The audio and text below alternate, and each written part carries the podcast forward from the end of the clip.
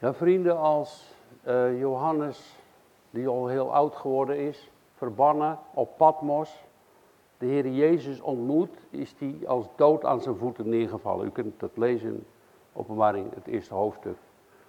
Hij viel als dood voor hem neer toen hij de Heer Jezus daar zag.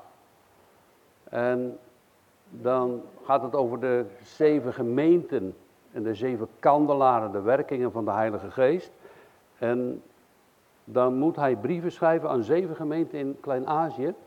En die brieven die zijn eigenlijk voor nu ook, voor alle christenen over heel de wereld bestemd. Nog steeds. Dus vandaar, vandaar dat we vandaag luisteren naar deze brief. En dan moet hij schrijven. Dus de Heer Jezus zegt, uh, Johannes, pak je pen en schrijf op. En dan is niet Johannes het adres. Het adres is Pergamus, maar degene die de brief schrijft is de Heer Jezus zelf. En vandaar dat die brief ook vandaag naar ons toe komt.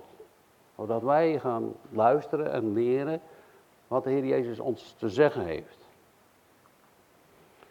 De brief gaat naar Pergamus en dat was een plaats, het, het toenmalige plaats, de plaats bestaat nog, heeft nu een andere naam, en dat was in Turkije. Het was een culturele stad, het was geen handelsstad, dat was meer een, een, een hofstad. Je zou zeggen een stad van de regering, zoals bij ons Den Haag. En daar had je dus heel veel afgoden. Allerlei afgoden van Rome, de Augustus werd aanbeden, er was een tempel van Augustus. Er was ook een heel groot uh, altaar van Zeus, Jupiter. En die werd verheerlijkt en gebeden, aangebeden. Er was ook uh, de tempel van de godin Minerva. Dat was de godin van de wijsheid en wetenschap. Maar daarbij was ook nog een, die werd dan Esculapius genoemd. Die dus, nadat men dacht, de doden op kon wekken. En die kreeg een verering van het volk dat hij zaligmaker en heiland was. Nota bene. Dus u, u hoort wel, dat is een en al afgoderij in die plaats. Ze hadden daar ook een hele grote bibliotheek met 200.000 boeken. En die werden geschreven op perkamenten, op huiden van dieren. Nou, als je dan één boek wil schrijven, dan heb je heel veel huiden nodig. Alleen tussen die 200.000 perkamenten kon je de Bijbel niet vinden. Ook de oude boeken van Mozes niet. Want er werden natuurlijk nog boeken verder geschreven en uitgewerkt. Maar in die tijd kon je daar de Bijbel niet vinden. Wel van uh, allerlei geleerde mensen, een, een culturele toestand, een grote heidendom die daar was. Met al die feesten die zij hadden. Want elke afgod had wel zijn feest in die tempel. Uh, hoererij, prostitueerde tempels. Allerlei dingen. Verschrikkelijk. En dan schrijft de Heer Jezus, die zegt tegen Johannes, Johannes, pak je pen en schrijf aan de gemeente van Pergamus. Dan zegt hij met de afzender, dit zegt hij die het tweesnijdende scherp zwaard heeft. Nou, dat begint nogal flink. Tweesnijdende scherpe zwaard van God. Wat zal hij daarmee bedoelen? Ook wij komen daar straks op.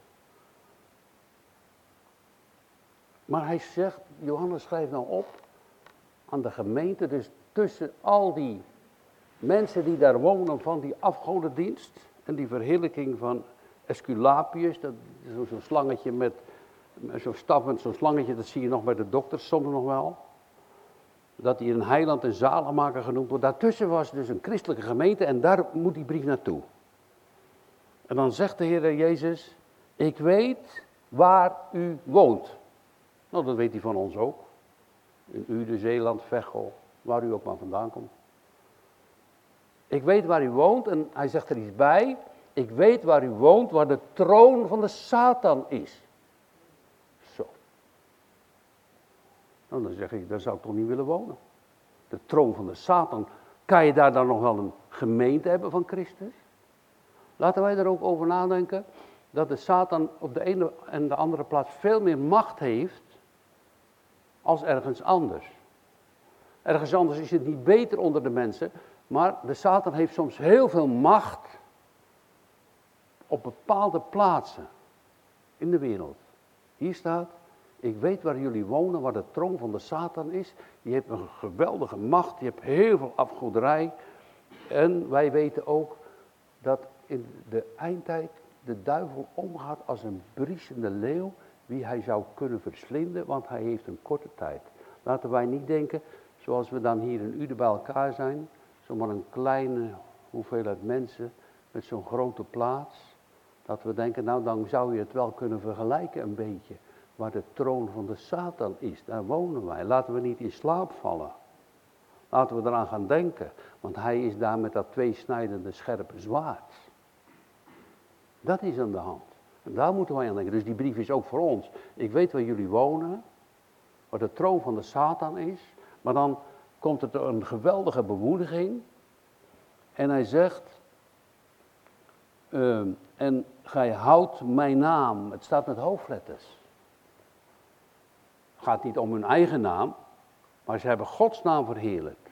Zo vaak in het leven gaat het over onze naam. Kijk eens hoe belangrijk ik ben, kijk eens wat ik gedaan heeft. Dat vinden we allemaal heel geweldig en mooi soms. Maar hier staat dat jullie aan de naam van God gedacht hebben. Jullie hebben mijn naam hoog gehouden. Dat is positief in die gemeente. Als je naar buiten uit durft te zeggen, ook hier in dit gebied, de Heer Jezus Christus is de Zoon van God. Hij is de koning der koningen. Nou, daar komt alles tegenop en zeggen, ja, we hebben, ja, dat zeggen jullie wel, maar ja, je moet het zelf weten. Wij hebben die godsdienst en wij hebben die godsdienst. Weet u wat wij op de Bijbelstudie afgelopen woensdag, daar hebben we over nagedacht en dan hadden we uit het boek Ruil, heb ik iets geciteerd. En weet je wat daar staat? Hij zegt, sommige mensen denken dus als je de Heer Jezus aanbidt, dat dat ten koste gaat van God de Vader. Dan zou je dus God de Vader daarin verminderen. Nee, zegt Ruil, absoluut niet. Want ze, zijn, ze moeten alle twee evenveel eer ontvangen.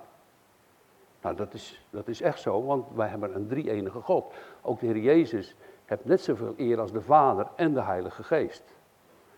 Maar, zegt hij, er zijn dus volken, Turken noemt hij, en Joodse mensen, die bidden alleen God aan, zonder de Heer Jezus.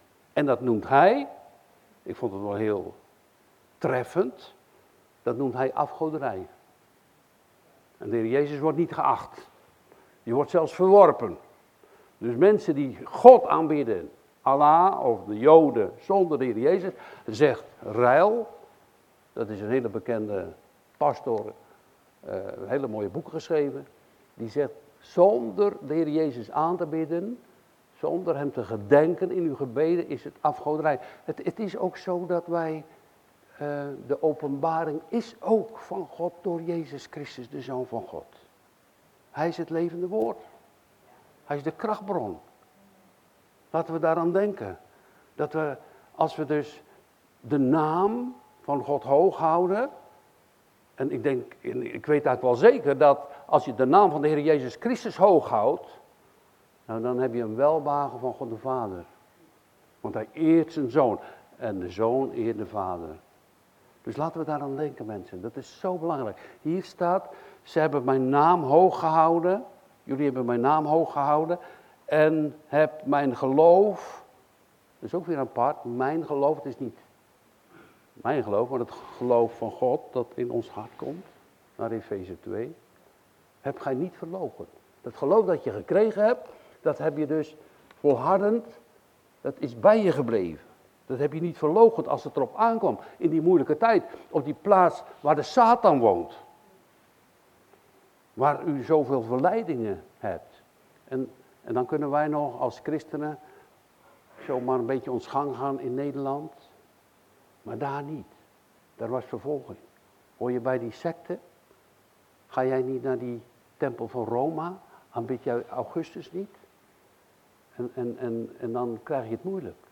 En dat is wel gebleken, want de Heer Jezus zegt, uh, je hebt mijn geloof niet verloochend, ook niet in de dagen welke Antipas, nou Antipas, die, je zou zeggen die man is overal tegen, hè? Antipas. Hè? Zou je denken. Maar hij was tegen die afgoden. En terwijl hij dat waarschijnlijk wel gezegd heeft en uitgedragen heeft, dat hij tegen die afgoderij is, dan hebben ze hem opgepakt en ze hebben hem gelinst. Hebben hem waarschijnlijk door de straten getrokken en gedood. Kan gebeuren. De heer Jezus zegt, schrijf dat eens op Johannes. Mijn getrouwe getuige, Antipas, die gedood is bij jullie, daar de Satan woont. Zo. Maar, weet u, daar moeten we even toch bij stilstaan. Want soms kan je, kan je dus angstig worden over dat soort dingen. Hè? En, en wie zou dat niet zijn als dat, dat zo op je afkomt? Maar we moeten een paar dingen moeten we bedenken. Ik was onderlaatst, um, heb ik een gesprek gehad met een, met een jonge man. En die, uh, die vroeg hoe oud ik was. En hij vroeg mij ook uh, hoe het komt dat ik dus wel heel veel dingen nog wel wil, maar niet alles meer kan als dat ik 20 jaar was. En ja, dat komt dan, ons lichaam wordt ouder, maar onze geest niet. En daar heb ik dus met hem over verder nagedacht. En toen heb ik gezegd, maar weet je hoe dat komt? Nee, dat wist hij niet. Ik zei, nou dat komt zo dat onze geest eeuwig is. Wij hebben dus allemaal een eeuwige geest. Ziel, geest. Wij zijn voor de eeuwigheid geschapen. Ons lichaam gaat in de aarde.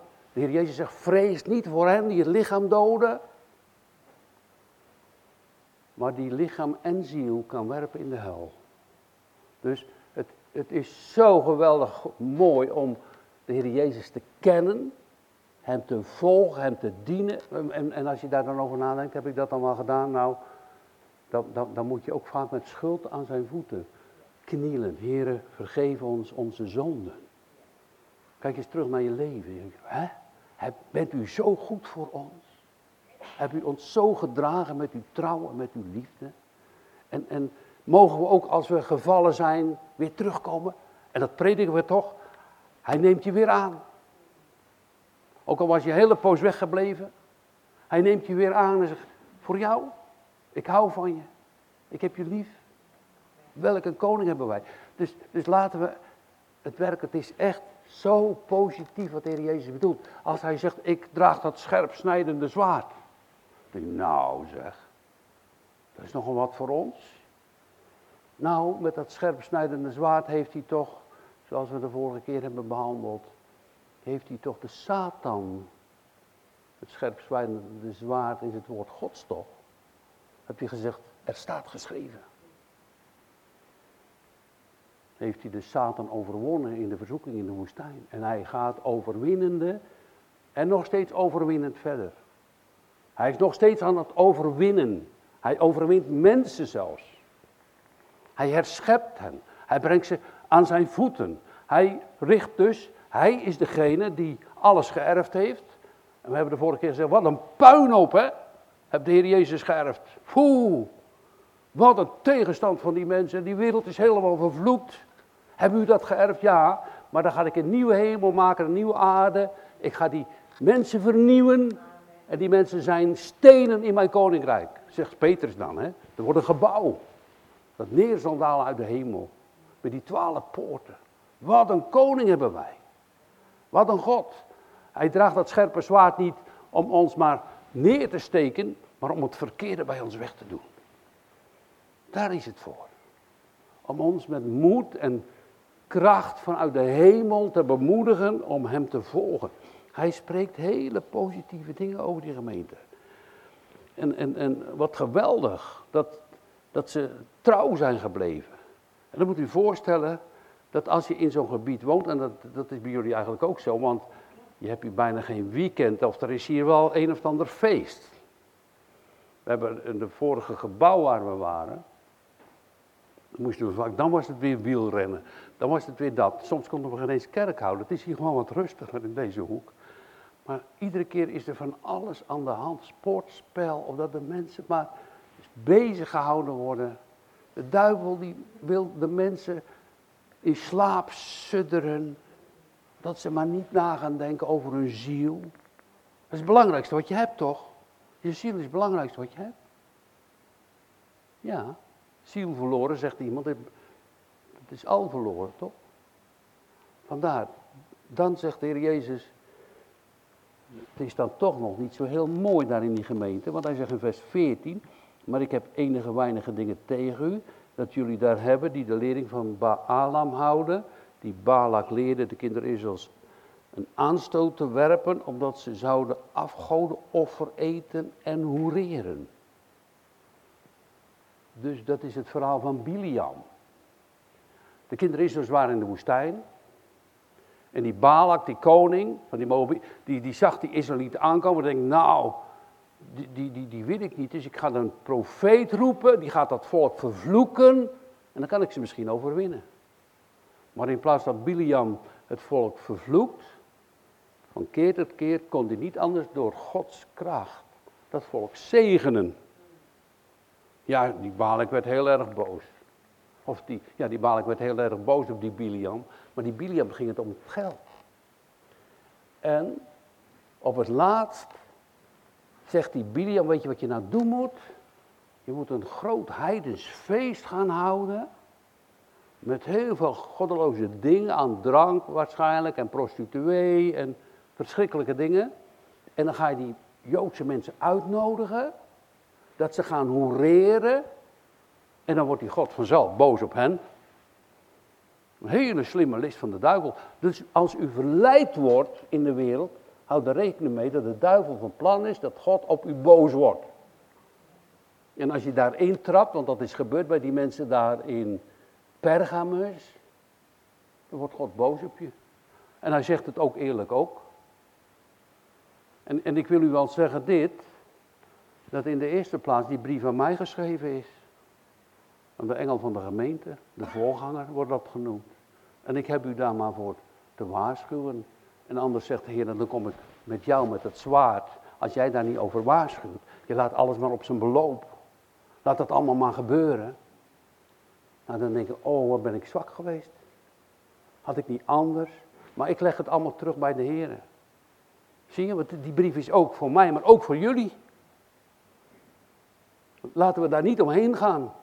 Laten we niet zeggen, nou ja, hij is toch de koning van de kerk. Wij kunnen hier niet zomaar omheen gaan. Hij zegt, jullie hebben de leer van Biliam. Dat je dus met dat feest mee, je bent verleid met dat feest. En, en ook, daar staat bij de leer van de Nicolaïten. Weet je, weet je wat dat eigenlijk ook betekent? Dus ze hadden de leer van Biliam en de leer van de Nicolaïten.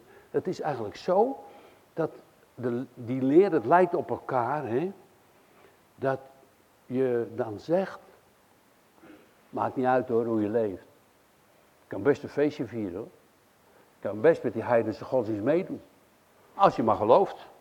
Want God vergeeft toch. We hebben toch gezongen, Heer uw bloed dat reinigt ons. Nou, dat is helemaal goed. Maakt niet uit hoe je leeft. Geeft niet wat je doet. Zou God zo zo'n koninkrijk opbouwen?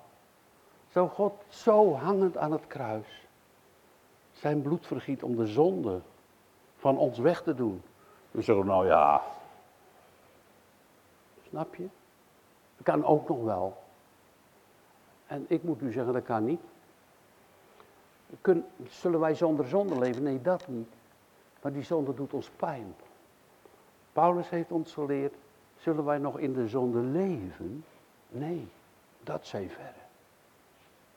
Maar Christus is voor ons gestorven voor de zonde. Opdat wij uit genade zullen zien, o Heere. En uit dankbaarheid gaan leren om die slechte dingen achter ons te laten. En die leer van de Nicolaïten, die God haat, ver bij ons weg te doen. Doe je dat niet, zegt God, dan kom ik tot u met mijn twee snijdend scherpe zwaard.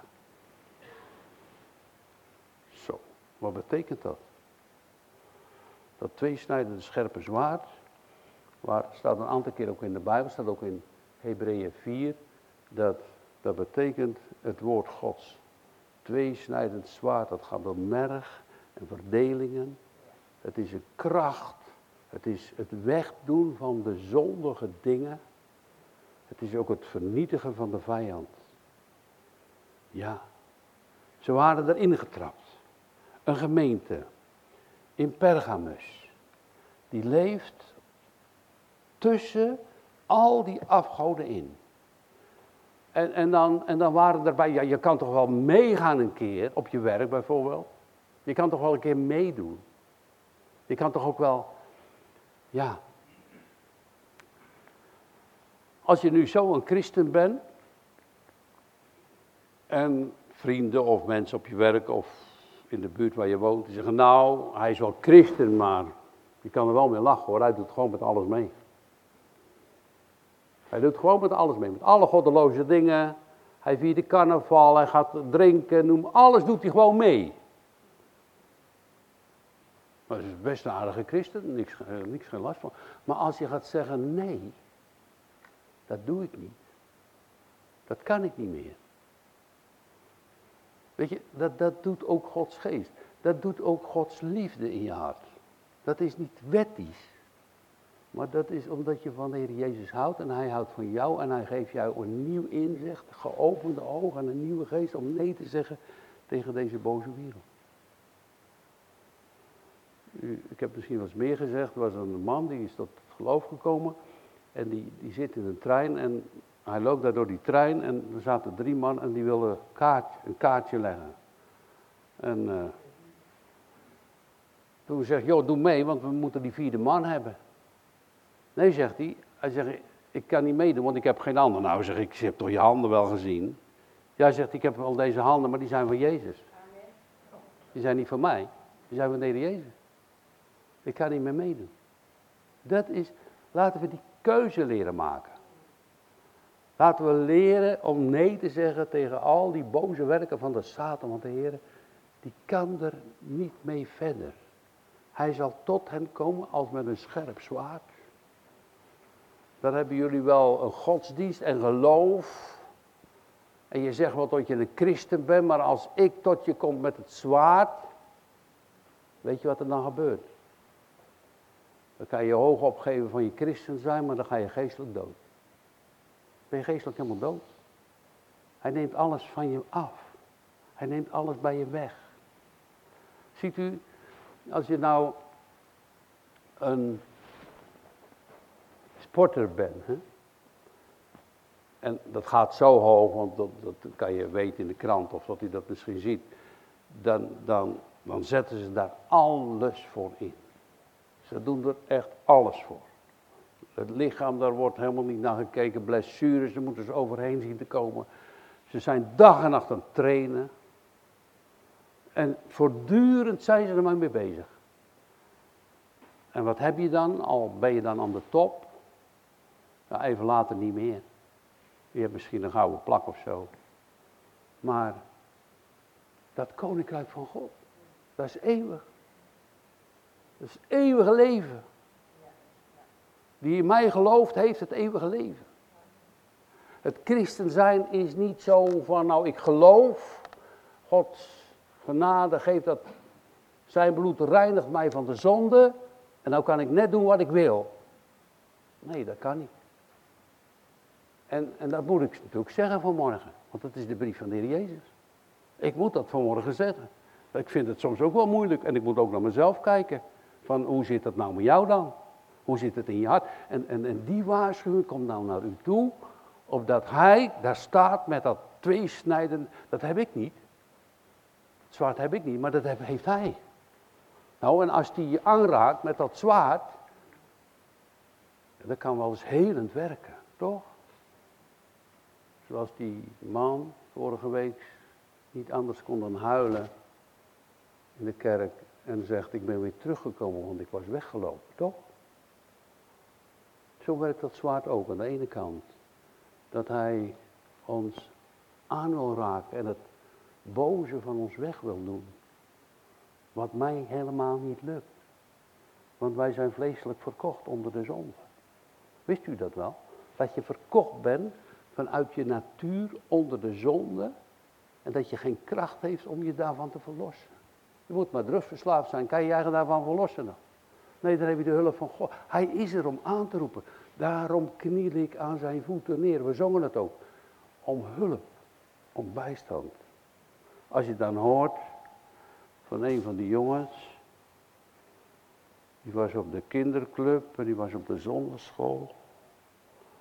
Maar hij gebruikt nu drugs. Wat een pijn doet dat.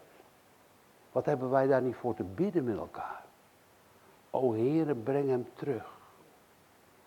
Breng hem terug. Breng onze kinderen ook terug.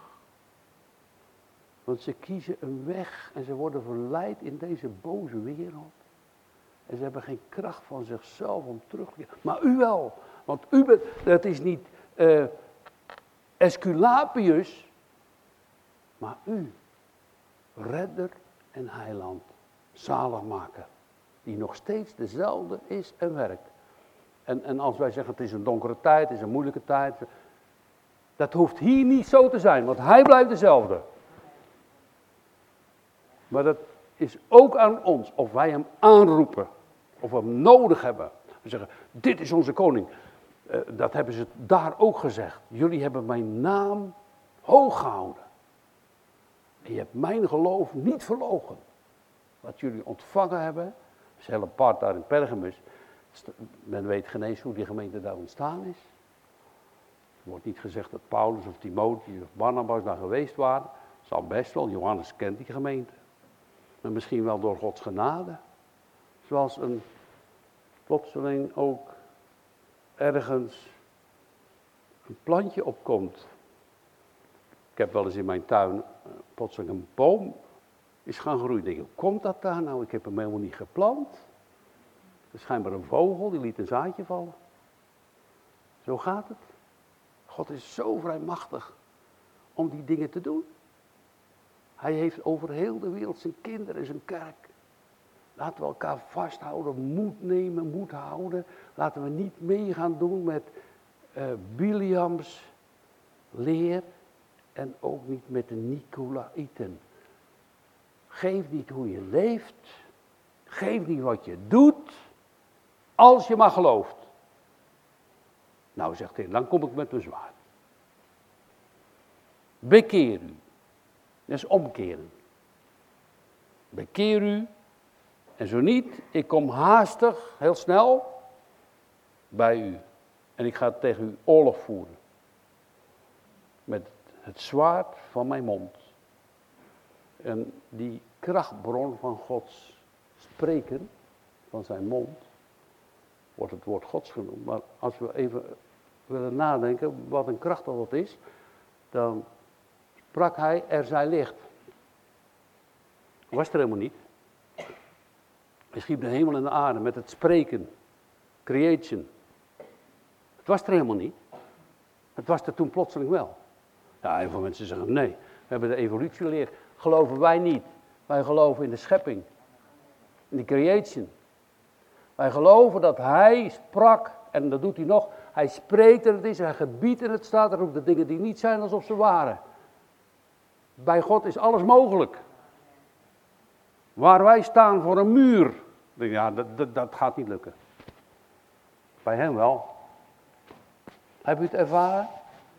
In uw gebeden? Heb u het gezien? Dat hij spreekt en het is er, een gebied en het staat er.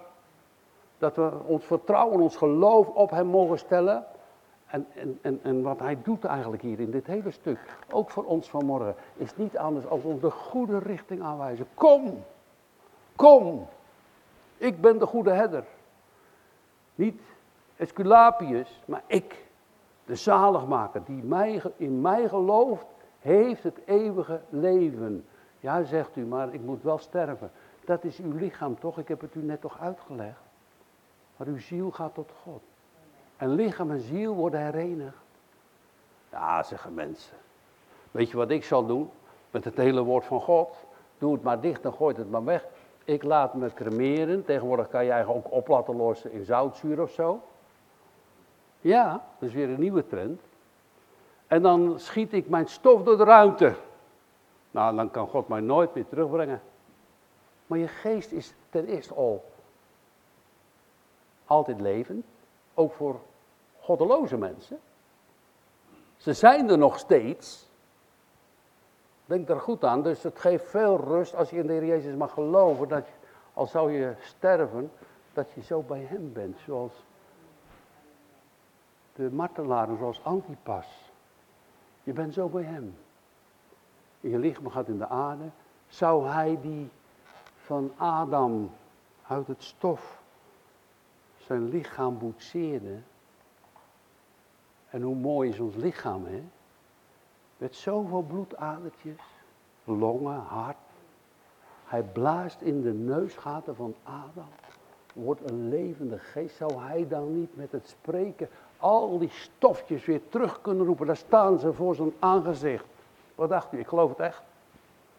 Wat mensen ook maar zullen doen of zullen bedenken, hij zal doen wat hier in zijn woord staat. En dat is het tweesnijdende zwaard. Daarmee overwint hij de wereld.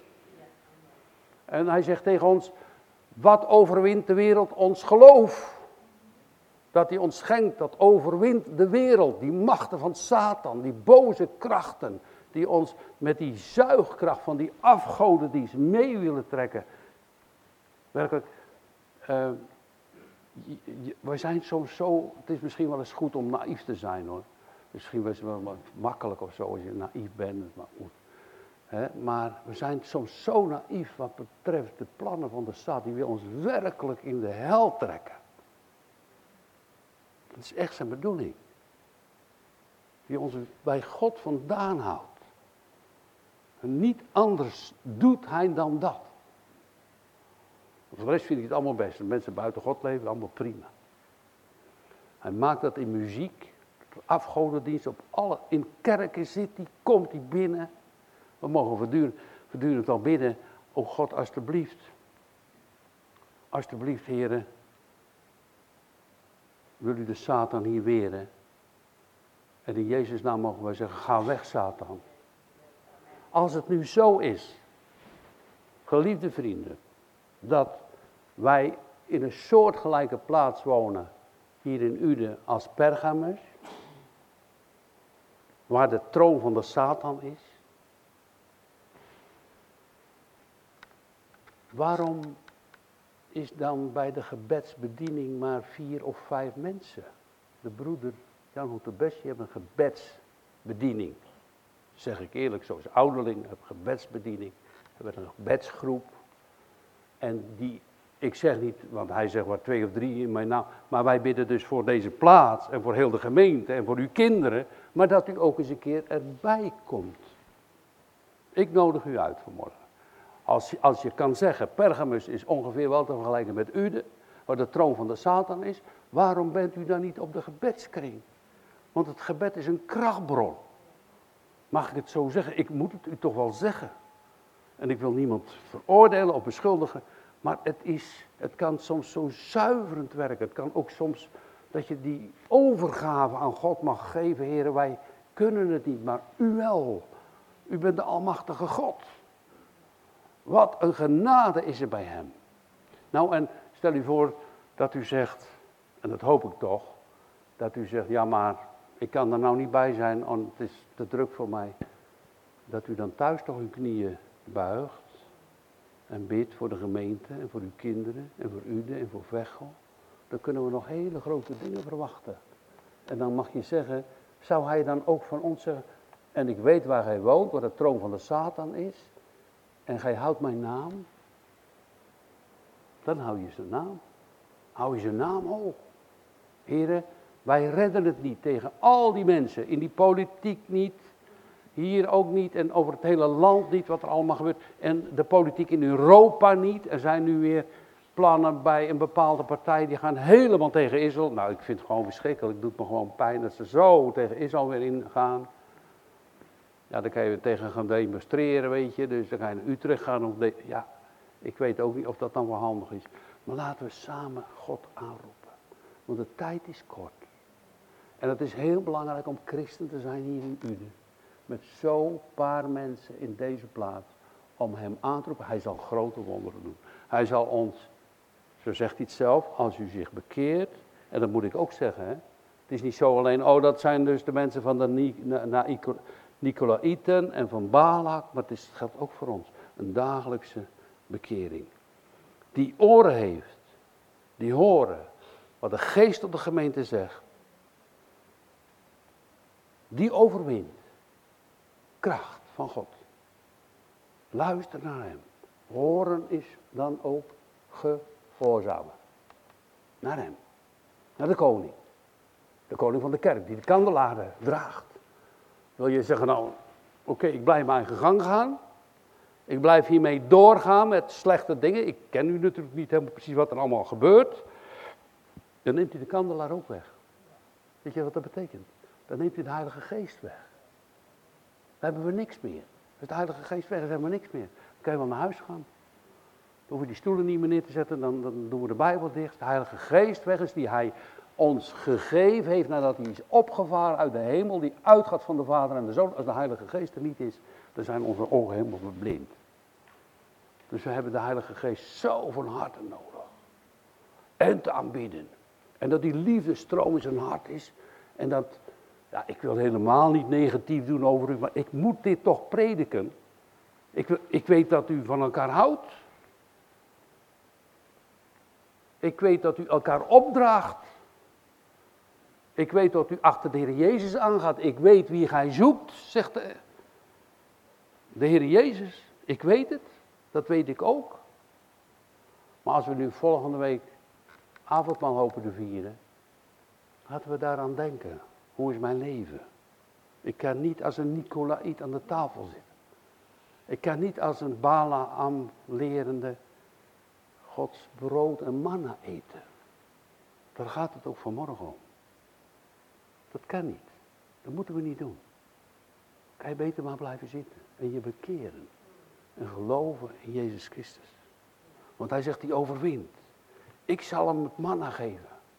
Het manna dat verborgen wordt. Nou, dat manna kwam uit de hemel in de woestijn. En die kinderen Israëls konden dat elke morgen zomaar oprapen.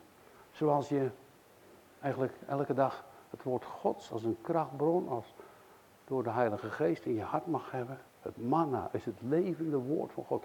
Ik, zeg Jezus, ben dat brood dat uit de hemel neergedaald is. Ik zal je daarvan doen smaken. Ik zal je dat geven. Het manna, dat is verborgen. Het werd dus later, toen ze het gegeten hadden in de woestijn, werd het in een kruik gedaan en in de ark gelegd. Het was verborgen. De wereld weet niet wat het is. Als je avondmaal viert en denkt aan de dood van de Heer Jezus tot verzoening van jouw zonde, die weet niet wat dat betekent. Het is niet zomaar een spelletje om avondmaal te vieren, het is werkelijk te geloven dat Hij voor jou de eeuwige dood is gestorven. Dat Hij daar hing aan het kruis. En dat Hij met die uitgebreide armen je riep om in Hem te geloven. Heb je een leven als een Nicolaït of als een Baalam, ja, dan kan u beter geen avondmaal vieren, want hij komt tot je tegemoet met het zwaard. Hij zegt, oh, ik zal krijgen wat jullie voeren. Je kan niet afgoden offer eten met in de tempel van Roma. Of naar Esculapius gaan, die een heilende, die man die bracht die mensen onder narcose. Dacht van, oh dat is heel wat, hè. dan voel je eigenlijk alweer een stuk beterder. En even later had je diezelfde ziekte toch weer. Of bij die Zeus, dat is een heel groot altaar van 38 meter. Dan ga je daar naartoe. Je kan niet die twee dingen doen. Ik moet het u zeggen. Hij zal u geven het manna, dat verborgen is. En ik zal hem geven een witte keursteen. En op die keursteen een nieuwe naam. Welke geschreven is, welke naam geschreven, welke niemand kent die hem ontvangt. Nou, dat, dat is eigenlijk zo dat, dat uh, in die tijd hadden ze dus rechters natuurlijk. Dat is al bij het Romeinse systeem hadden ze, is heel die rechtspraak ook begonnen. Maar daar in Griekenland of daar in Turkije hadden ze ook van die geleerde mensen. En dan werd je voor een tribunaal gezet. Je had dus een aanklager, er was een advocaat, jij staat dan als beschuldigde. En, en dan hadden ze een, een koker, of een, zeg maar een pot zeg maar. En daar werden zwarte stenen of witte stenen in gedaan. Door die rechters. Als je nu witte stenen had, dan was je dus vrijgesproken. Zaten de zwarte stenen in die pot, dan was je schuldig. Zo moet je het een beetje zien. En dat, dat staat hier eigenlijk ook. De Heer Jezus speelt dus in op de situatie die uh, daar was. En hij zegt, ik geef jullie dat manna, dat eeuwige brood. Ik geef u mijn heilige geest. Ik geef u de gemeenschap met Christus. En vrijspraak. De duivel klaagt ons aan. Die zegt, grote zondaar die je er bent. Maar ik geef je, als je overwint in mijn naam, door mijn kracht, om af te zien van die goddeloze dingen en mij te volgen, een witte steen. Dat ik je al je zonden kwijtscheld. Je krijgt een nieuwe naam. Simon wordt Petrus. Abraham wordt Abraham. Een nieuwe naam die niemand weet dan die hem ontvangt. Die nieuwe naam en die genade en die witte keursteen, die vloeien voort uit de liefde van de Vader. Die komen door Christus Jezus in deze wereld. Door zijn verdiensten. Die worden toegepast door de Heilige Geest. Omdat wij gelovende de strijd, want het is eigenlijk een stuk over strijd, hè? Waar we het nu vanmorgen over hebben. En als u zich veroordeeld voelt, bekeert u dan. En als u zich bemoedigd voelt, wees blij en op goede moed. En overwint in zijn naam. Opdat u dan mag leven. Hier, ook al is het hier heel erg moeilijk. In Uden en in Veghel. Ik geloof voor mij is de Veghel nog moeilijker. Er komen er een paar mensen uit Veghel, ik geloof dat het nog moeilijker Ik geloof dat je daar bijna helemaal geen christelijke kerk meer hebt. Daar aanbidden ze alleen maar God en niet Jezus. Dat kan niet. Ruil zegt, en ik ben toch met hem eens, is afgodendienst. De Heer Jezus is onze zaligmaker, in wie wij geloven. Amen.